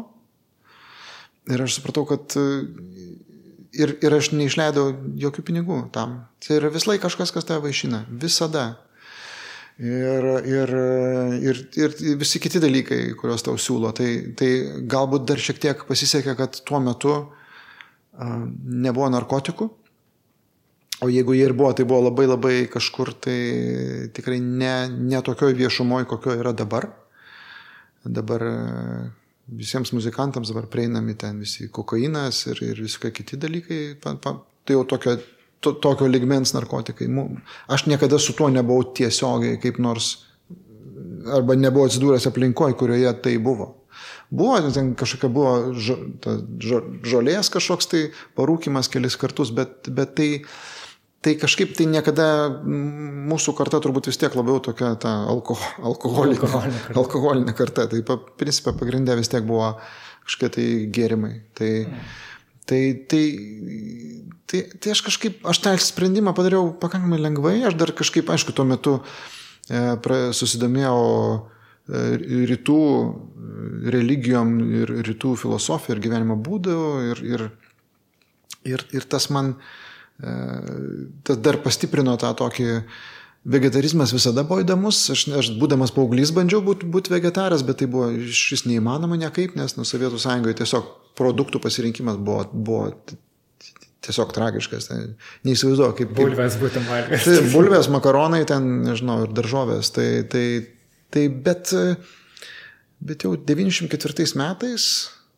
sausio 1, kada aš nusprendžiau, kad jau nuo tos dienos aš nebevalgysiu mėsos, e, kažkaip e, jau, jau, aš jau buvau pakankamai keliavęs po pasaulį, buvau jau matęs ir, ir, ir kad žmonės taip gyvena ir ką jie valgo ir atsirado, aišku, atsirado ir produktų daugiau parduotuvėse įvairių ir, ir, ir atsirado receptai ir atsirado, jis kažką susižinojo, sužinojo daugiau apie principus vegetarinės mytybos ir taip toliau ir man, man tai taip įgyvendinti tai jau nebebuvo visiškai sunku. Bet turbūt turėjai vis aiškinti žmonėms. O aiškintis, čia kaip ir su alkoholiu, kai tu meti gerti, kurį laiką tau siūlo ir tu sakai ne ir tau tave įkalbinėja nes tu vis dar esi kažkiek tai aplinkoje, kuri buvo įpratus tave matyti kaip dalį savęs ir tu staiga nebesidalis tos aplinkos, tai aišku, tu nutrūksta ryšys su kai kuriais e, žmonėmis, kur tu galvoji, kad čia draugystė buvo, bet e, vėlgi, jeigu draugystė nutrunka, kai vienas iš draugų meta gert, tai ta draugystė, reiškia, buvo paremta kažkokiais e, ne visai tvirtais dalykais. Ir, ir, ir kurį laiką ten, aišku, ten įsivėlė į ginčius, kodėl nevalgai mėsos, ten kažkas tau aiškina, kai, reiškia, kažkas bando įkalbėti, tave perkalbėti. Bet kuo ilgiau tu gyveni, tuo tavo tas ne yra tvirtesnis. Ir, ir vėlgi čia tu, tu jau už nugaros, tu turi tam tikrą patirtį ir bagažą ir ta, tai, kaip tu ištari ne, kuo toliau, tuo tie ginčiai mažėjo, mažėjo, mažėjo, mažėjo, mažėjo. Netgi tie žmonės, kurie kažkur išvažiuoja į užsienį ir kur nieks nežino apie, ten, apie tave ar ten tavo įpročius, kaž, nu, pasiūlo ten išgertus, sakai ačiū ne. Ir tas tavo ačiū ne, jis, jis nebėra kaip tik tai metusio gerti žmogaus. Po kurio laiko tu, tu tai sakai lengvai, be įtampos, natūraliai ir, ir tas tavo, tai kaip tu ištari, E, savo mandagų atsisakymą. Ties, tiesiog visiems yra visiškai aišku ir, ir, ir kuo toliau, tuo yra lengviau. Tai da, dabar kartais irgi aš, aš tiesąkant labai nustembu, kai ten kažkur nors Facebook'e kas nors ten, na, jau labai retai, bet kartais būna, bet ir pagrindinė, tai aišku, vyresniam amžiaus žmonės, kurie ten kažką bando apie, ten, jok, jokauti apie vegetarus ar veganus. Ir, ir kartais tokie užsipolimai būna tokie, su tokia lik panieka, lik ir tu galvoji, nu, ta prasme, nu, iš kur jūs dinozaurai tokie dar išlindot, kurie čia pusė pasaulio jau, jau taip gyvena ir, ir, ir, ir tai plinta ir žmonės mato, kad sveikesnė mytyba atneša geresnę savijautą ir geresnius rezultatus. Ir, Ir tai, tai, arba kartais ten vis dar būna, kad tai, tai ką tu valgai, žinai, tai tu sakai, na, tai visus tos tūkstančius produktų išskyrus tos tris, ta, reiškia, tai, tai ja. Ir dabar išskyrus cukrų, ar ne, minėjai? Aš, prieš, aš, jo, aš kažkaip kad... atsisakiau cukraus prieš pusę metų ir, ir kol, kol kas džiaugiuosi rezultatais, nes pavyko numesti svorio labai be jokių pastangų ir nepribojant kitos mytybos. Uh, Tai, tai čia visą laiką tu žiūri, kas, žiūri, kas, kaip tu geriau jautiesi. Man norisi jaustis lengvai, neapkrauti savo organizmo kažkokiais tai reiškia, tos sunkesnius produktus organizmas tiesiog valgydamas mėsą tu išnaudoji daug daugiau energijos jos virškinimui, negu kad, negu kad tu iš jos gauni. Ta prasme, tai ir, ir, ir, ir jautiesi lengvesnis ir niekada nesijauti apsunkęs pavalgęs, net jeigu sočiai labai pavalgai ir daug, tai, tai, tai tas yra, man, man labai patinka vegetarinė mytyba. Aš labai, aš noriu tikėti, kad aš kažkaip bandau visi veganinę pereiti, bet vis tiek labai sunku pabėgti nuo, nuo sūrio. Uh, ir kiaušinė? Ne, kiaušinė, kiaušinė ne, ne, ne, kiaušinė nevartoju. Aha, okay. tai, tai tas da, sunku, nes sūris yra vis tik tai tas kažkoks produktas, kuris labai... tiesiog labai taip, jis ir tu tam tikrą gal net priklausomybę mm. turbūt turi jam. Bet, bet, bet nekarto nesu pasigailėjęs ar ten sapnavęs ten kažkokią dešrą. Tikrai ne. Šoridės, tikrai nesapnuoju. O kai tik suprasčiau e, šitą temą užbaigiant, tu paminėjai e, žolę arba na, kanapės kaip irgi kažką, kas, kas sieja su narkotikais, bet yra tas požiūris, kad tai yra tarsi na, narkotikas iš gamtos, kuris uh, galbūt gali netgi gera būti alternatyva alkoholiui, ar ne? Kad jis, aš, ir aš nežinau, ko, kokias tu laikai. Jeigu atvirai, aš, aš, aš sakyčiau, aš būčiau už tai, kad už, būtų uždraustas visiškai nikotinas ir alkoholis ir vietojo būtų leista žolė, nes tai yra du viename. Ir, ir parūkai, ir šiek tiek apsineši, bet, bet alkoholis... Ir savo kepenim tiek nepakeitė. Taip, ir alkoholis yra didesnis blogis, tol kad, na, alkoholis yra priežastis viso smurto, E, savižudybių, nu, nusikal... jis visada yra palidovas visų šitų baisių nusikaltimų ir skausmingų į visokių auto įvykių ir taip toliau. Žmogus parūkė žolės, šypsosi ir yra linkęs klausytis regi muzikos. Taip, tai yra, tai, yra, tai yra iš tikrųjų didžiulis skirtumas, tai yra milžiniškas skirtumas.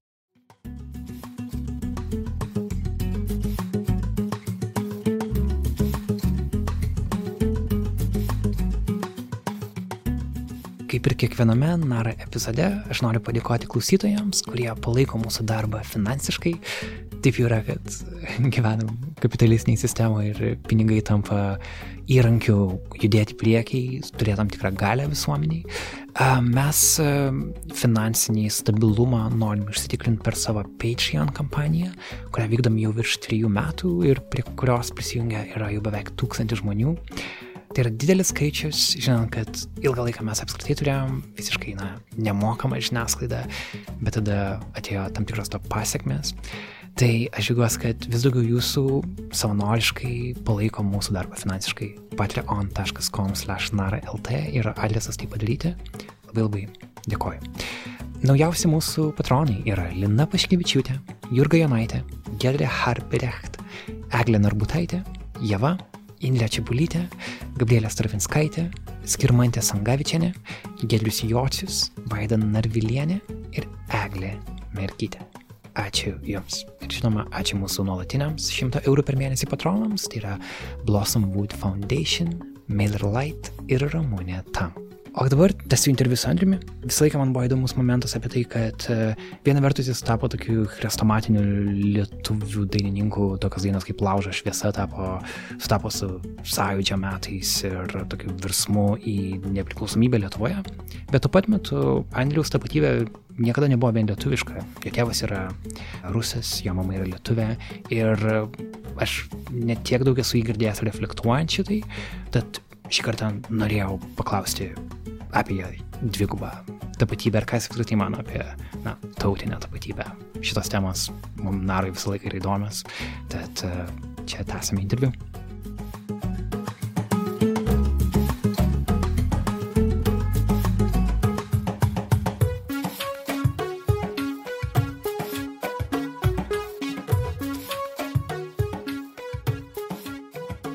Mano tėvas, jisai atvažiavo į Lietuvą būdamas 26 metų, jis vedė mano mamą. Mano mama tiesiog, mano mama baigė e, Vilniaus medicinos fakultetą universitete ir tais laikais e, studentai važiuodavo atlikti praktiką kažkur ir jinai važiavo į Arhangelską atlikti praktikos Arhangelsko medicinos institutą ir mano tėvas tenai, jis buvo aspirantas, tenai irgi mokėsi, tai jie ten susipažino ir paskui, kai, bet kai jisai atvažiavo, jis iškart pradėjo mokytis lietuvių kalbą. Ir mano tėvas, e, būdamas rusas, tikras rusas, niekada su manimi nekalbėjo rusiškai. Jis e, nuo pat vaikystės, mokindamasis lietuvių kalbą, jisai su manim kalbėjo lietuviškai. Ir jisai, ir jisai buvo iš šeimos, kuri buvo labai stipriai nukentėjusi nuo komunizmo. Jo senelis, mano prosenelis, buvo apskritai išsiųstas į Gulagą, e, į koncentracijos stovyklą, nes mano rusiškos pusės abu proseneliai buvo pasiturinti žmonės, iš kurių atėmė visą turtą, atėmė jų verslą.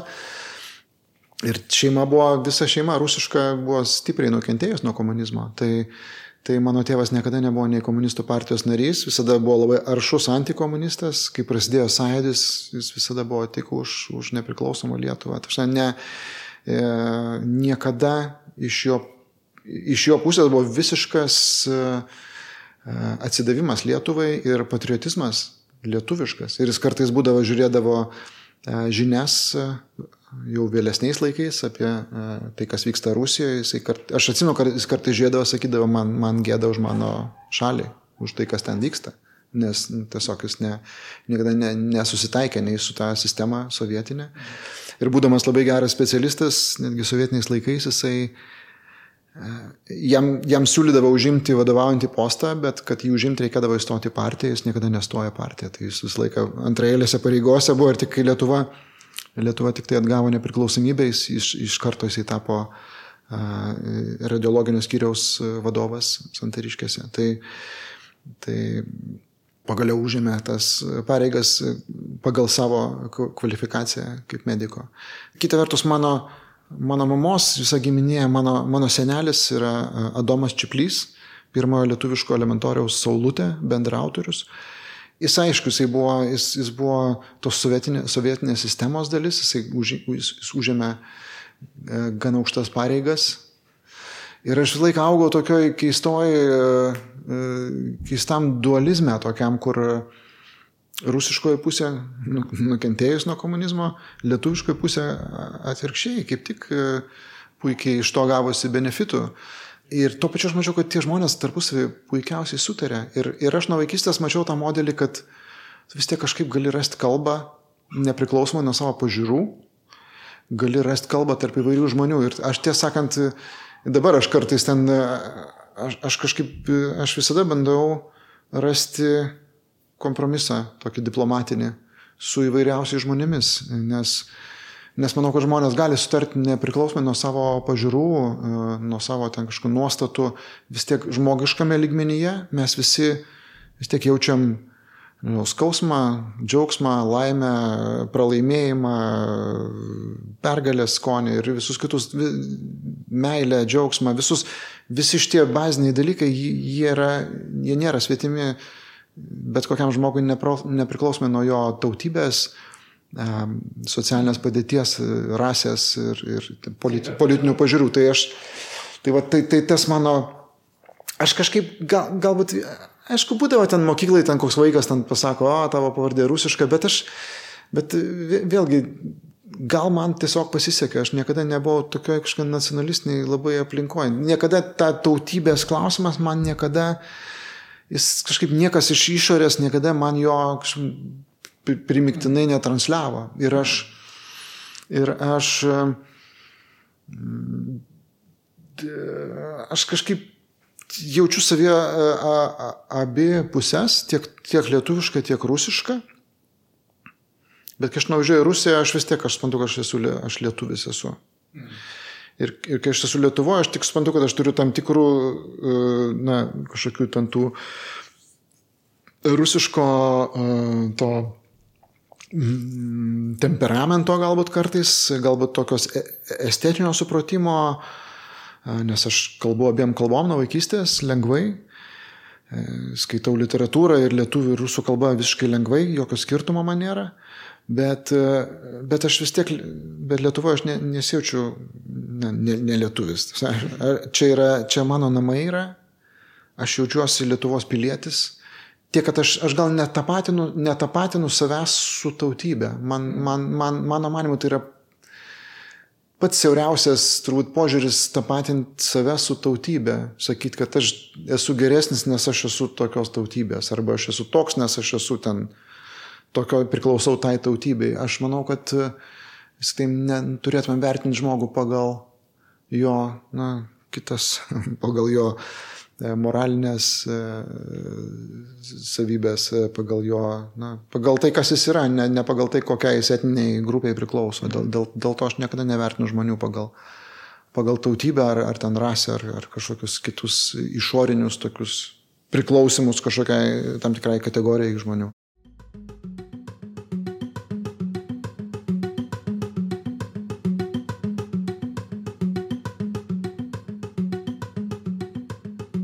Man įdomu tavo kažkokia gal politinė kelionė ir kur tu dabar esi atsidūręs. Gal aš čia pradėčiau netgi nuo tokio irgi iš interviu vieno, kur radau e, tokį tavo prisiminimus, kad jūs kažkada grojot Sofoje Gdanske kartu su grupe Bigs mm.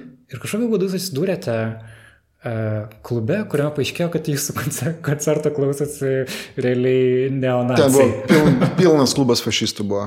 Pilnas klubas. Visi labai agresyvus, agresyvių skinheadų klubas. Aha. Ir jūs jiems koncertavote? Tai e, Biksai grojo.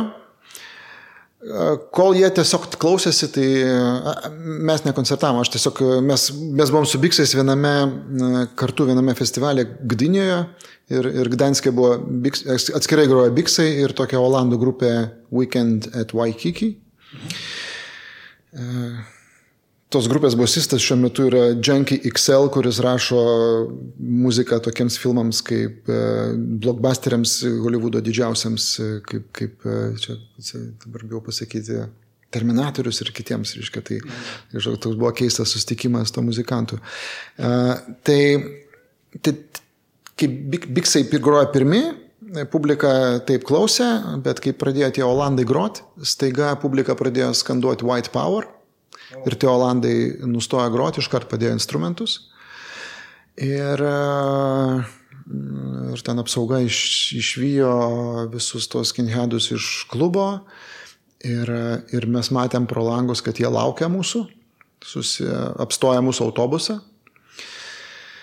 Ir ten buvo tokie siauri varteliai, pro kuriuos reikėjo išeiti po vieną. Ir jie stovėjo prie tų vartelių ir laukė. Ir, ir, jie, ir jie išeidami, tu išeidinė ir mes visi paėmėm instrumentus, kad, kad, kad vienu, iš, vienu ėjimu iš, išsineš savo daiktus ir susikrauti autobusą. Ir, ir prie tų vartelių, prie išėjimo e, stovėjo du tokie stambus bičiai, plikai, skustom galvom ir, ir, ir, ir rodydamas pirštų į tave, vienas klausė Holland, Ir tu sakai no, ir tada praeini, ir ten jis klausia Holland, sako yes, ir tada jam tiesiai į veidą kumščių bam. Ir, ir, ir mes kažkaip, mes kažkaip pas, apskaičiavom, kad pirmą mes visi išeisim su instrumentais ir juos sudėsim. Mes sukruojam visą mantą, tada jau tie olandai ėjo ir ėjo kuo greičiau ir šokom visi autobusą. Ten, ten keli gal buvo smūgiai, bet, bet mums kažkaip pavyko į tą autobusą sulipti, mes pradėjom, vairuotojas paspaudė gazą, mes pradėjom lėkti visų greičių ir, ir, ir tik tai atlėkė iki autobuso kelios plytos, kurios e, stuktelėjo per stogą, tai mums pavyko išvengti to konflikto. Taip, ten, ten tikrai galėjo baigtis blogai. Mhm. Uh, tai žodžius, neonacizmų tau nepakeliui. Ne, man, aš, aš esu, ta prasme, aš šiaip, nes, kaip čia pasakyti,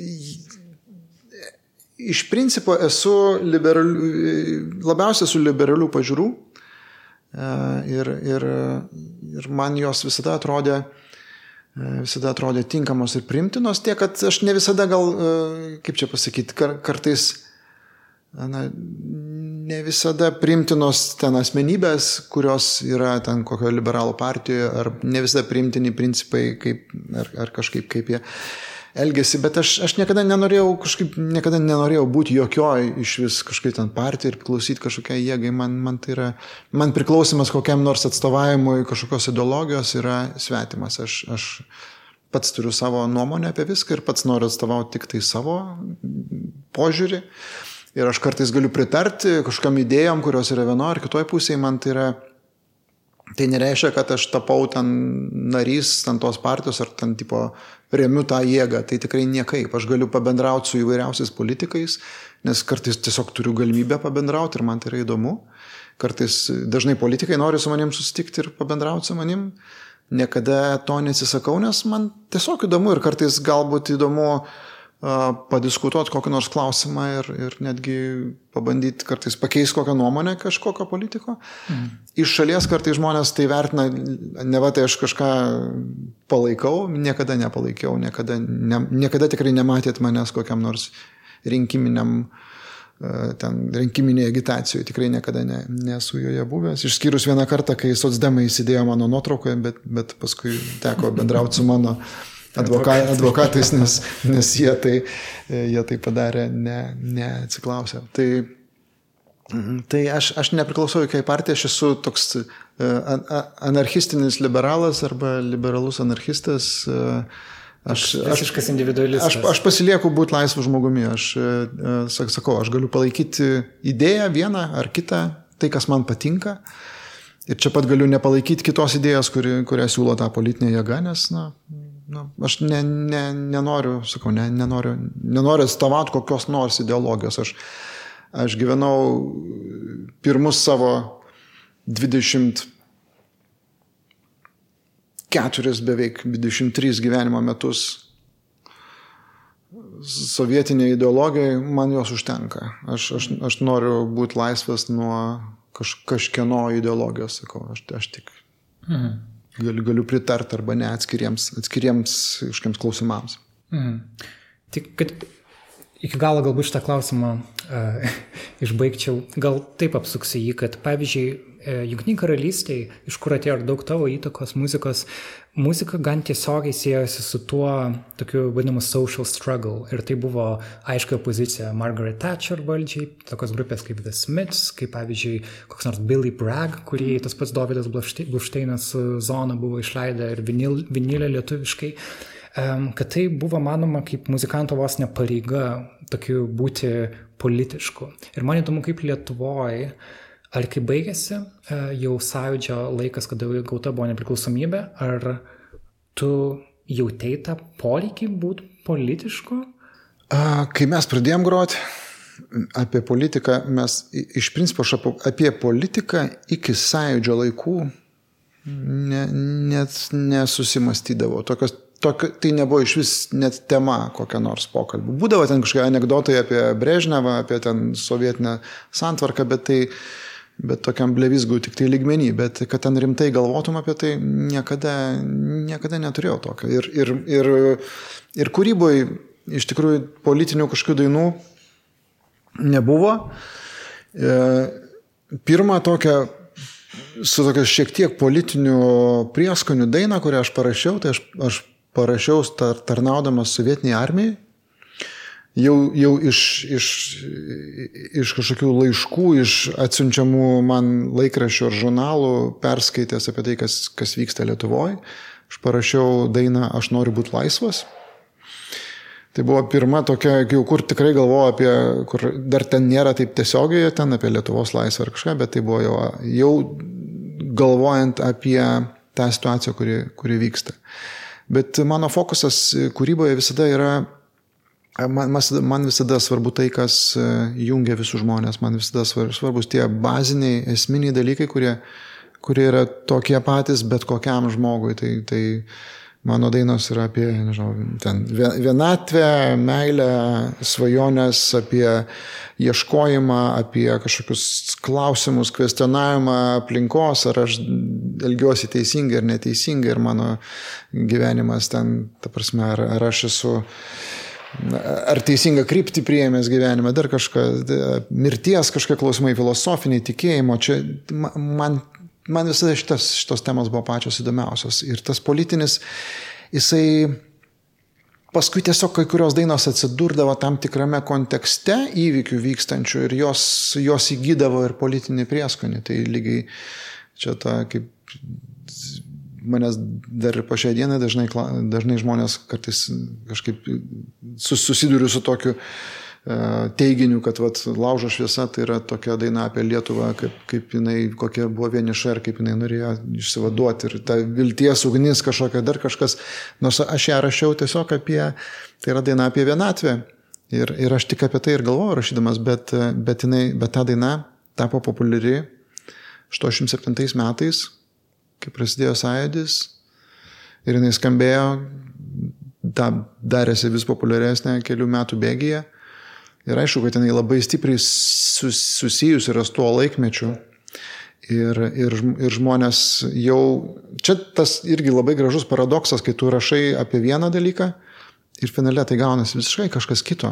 Tu pasakoji vieną istoriją, o žmonės girdi visiškai, visiškai kitą. Ir ta, ta, tas irgi man visada yra labai gražus, gražus tas kūrybos, tos, tos transformacijos momentas, kaip, kaip žmonės kartais priimdami kitame kontekste tą patį kūrinį sukuria naują kontekstą jam.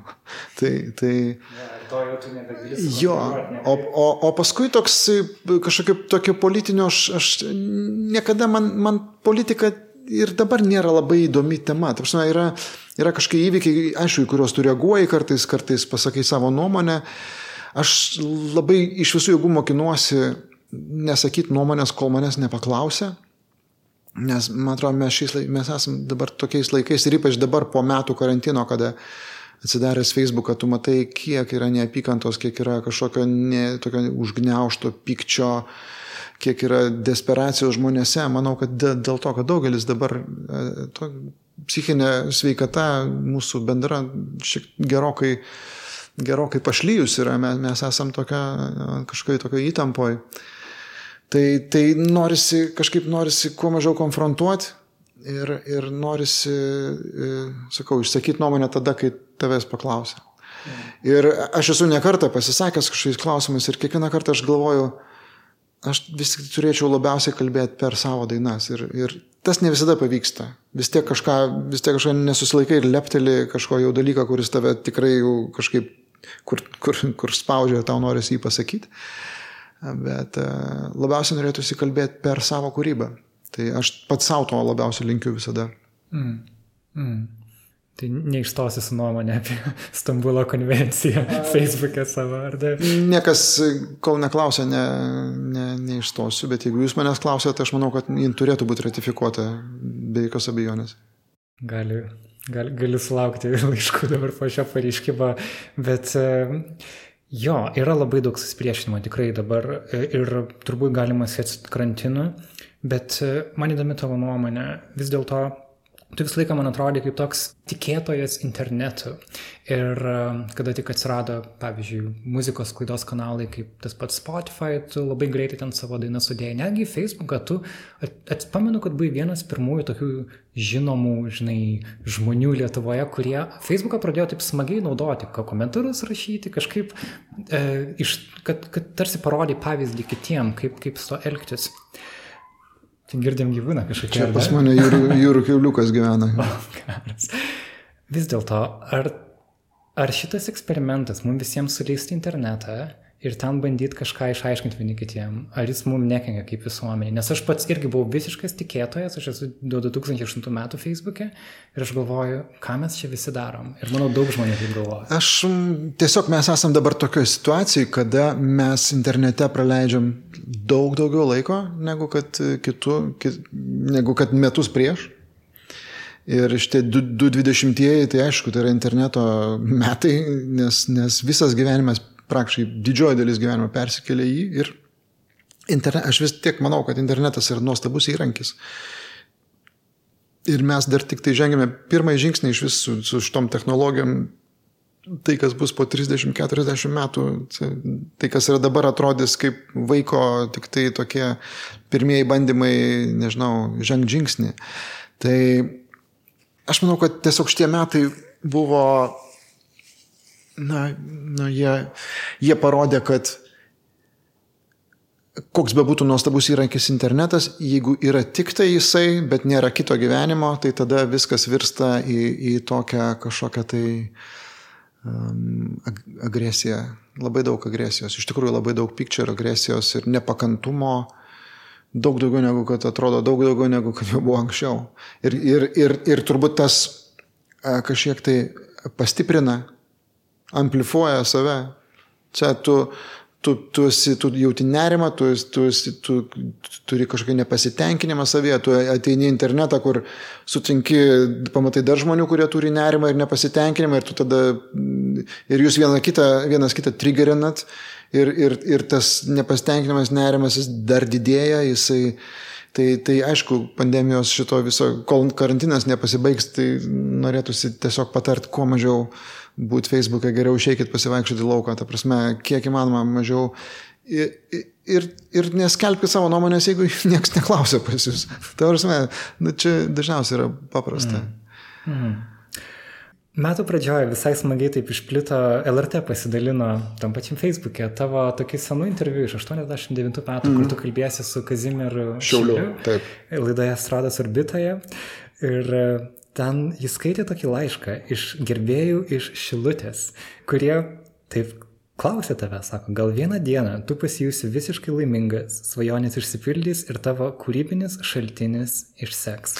Iš, iš savokos kūrybinis šaltinis tikrai galiu pasakyti, kad tie žmonės yra tavo muzikos klausytojai, tokia e, ne tiesiog kūryba, bet kūrybinis šaltinis.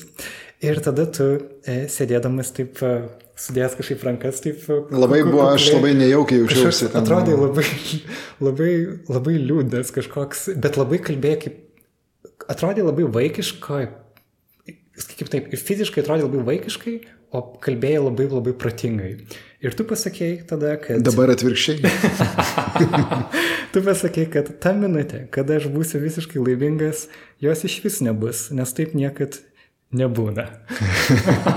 Bet aš dabar kalbu su tavim ir man atrodo, kad tu visai esi laimingas. Aš, aš nu, tai aišku, čia tas toks... Mm, Ten tas interviu jis labai jokingas, nes e, Kazimieras Šiaulys buvo e, tas žmogus, kur muzikantai nelabai mėgo jo.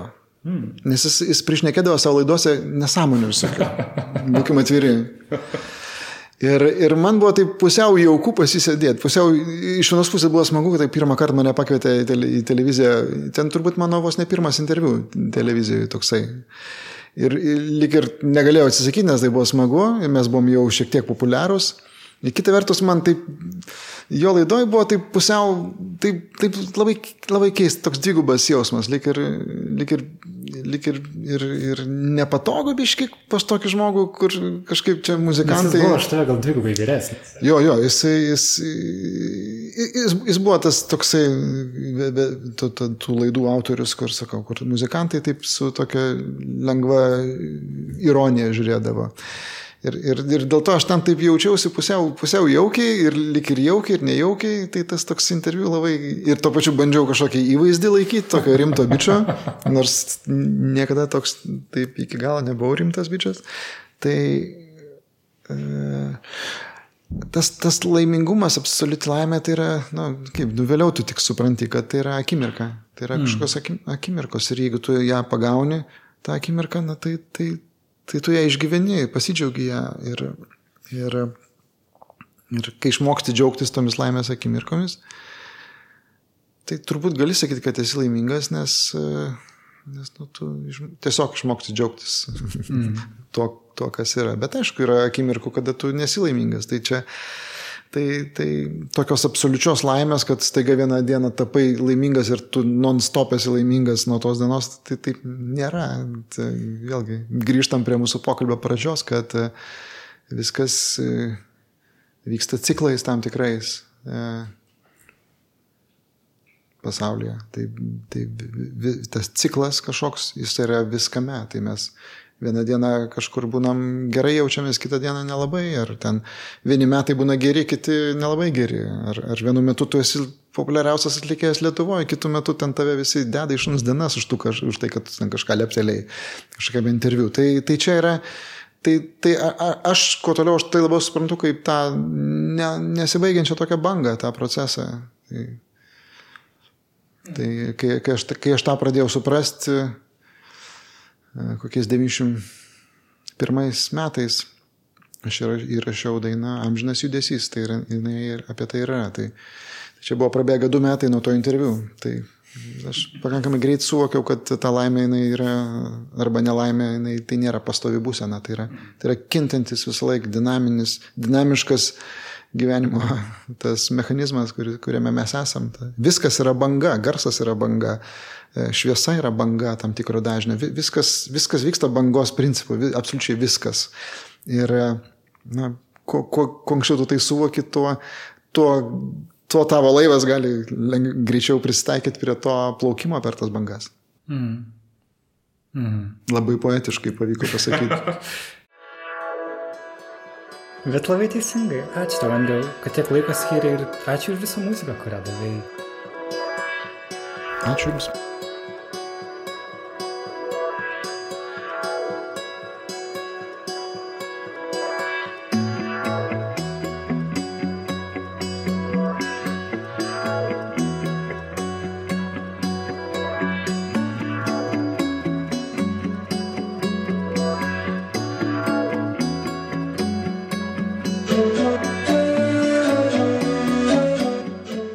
Toks mūsų epizodas šiandien. Ačiū, kad buvote kartu. Girdėjote pokalbį su dainininku ir kompozitoriumi Andriumi Mamotovu. Jį lydėjo paties Andrius muzika iš albumo The Hong Kong Tapes 2018 m. įrašas, vienas tų instrumentinių albumų, apie kuriuos Andrius minėjo interviu pradžioje. Ir dar kartą primenu, Nara LT ir Nara Instagrame jūs laukia Bertos Tilmontaitės daryti Andrius Mamotovo portretai labai labai rekomenduoju pamatyti. Ačiū kolegoms Karoliui Pilypui Liutkevičiui ir Katai Bitoft, kurie padėjo tvarkant įrašo garsą. Mes karantino metu dirbame be studijos, tad e, visą laiką yra iššūkiai, kaip e, įrašyti garsą.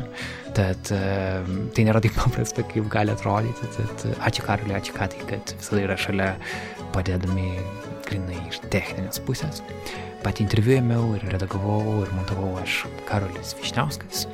Ir jeigu jūs norite palaikyti mūsų visų darbą finansiškai, patreon.com/nara.lt yra adresas tai padaryti.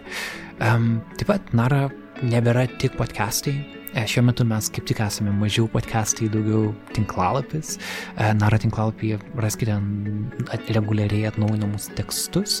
E, norim tapti tokia tarsi long read, tokių ilgaskaičių tekstų vieta, um, kuriai pasisako nauji autoriai, nauji balsai.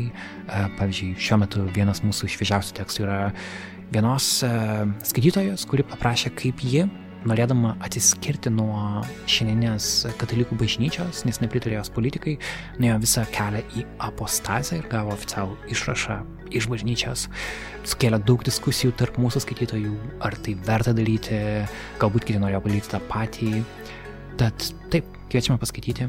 Um, ir toks mūsų darbas yra kelti temas, uh, kažkaip vystyti pokalbis į priekį Lietuvoje ir tai daryti argumentuotai, daryti sąžiningai, kultūringai. Tad e, kviečiame e, prisijungti, labai lauksim jūsų nuomonių. Kągi, e, turbūt tiek. Ačiū, kad esate kartu. Saugokit vieni kitus. Išeikit pasivaikščioti. Pavasaris. Tikiu, kad jau ateis. Iki.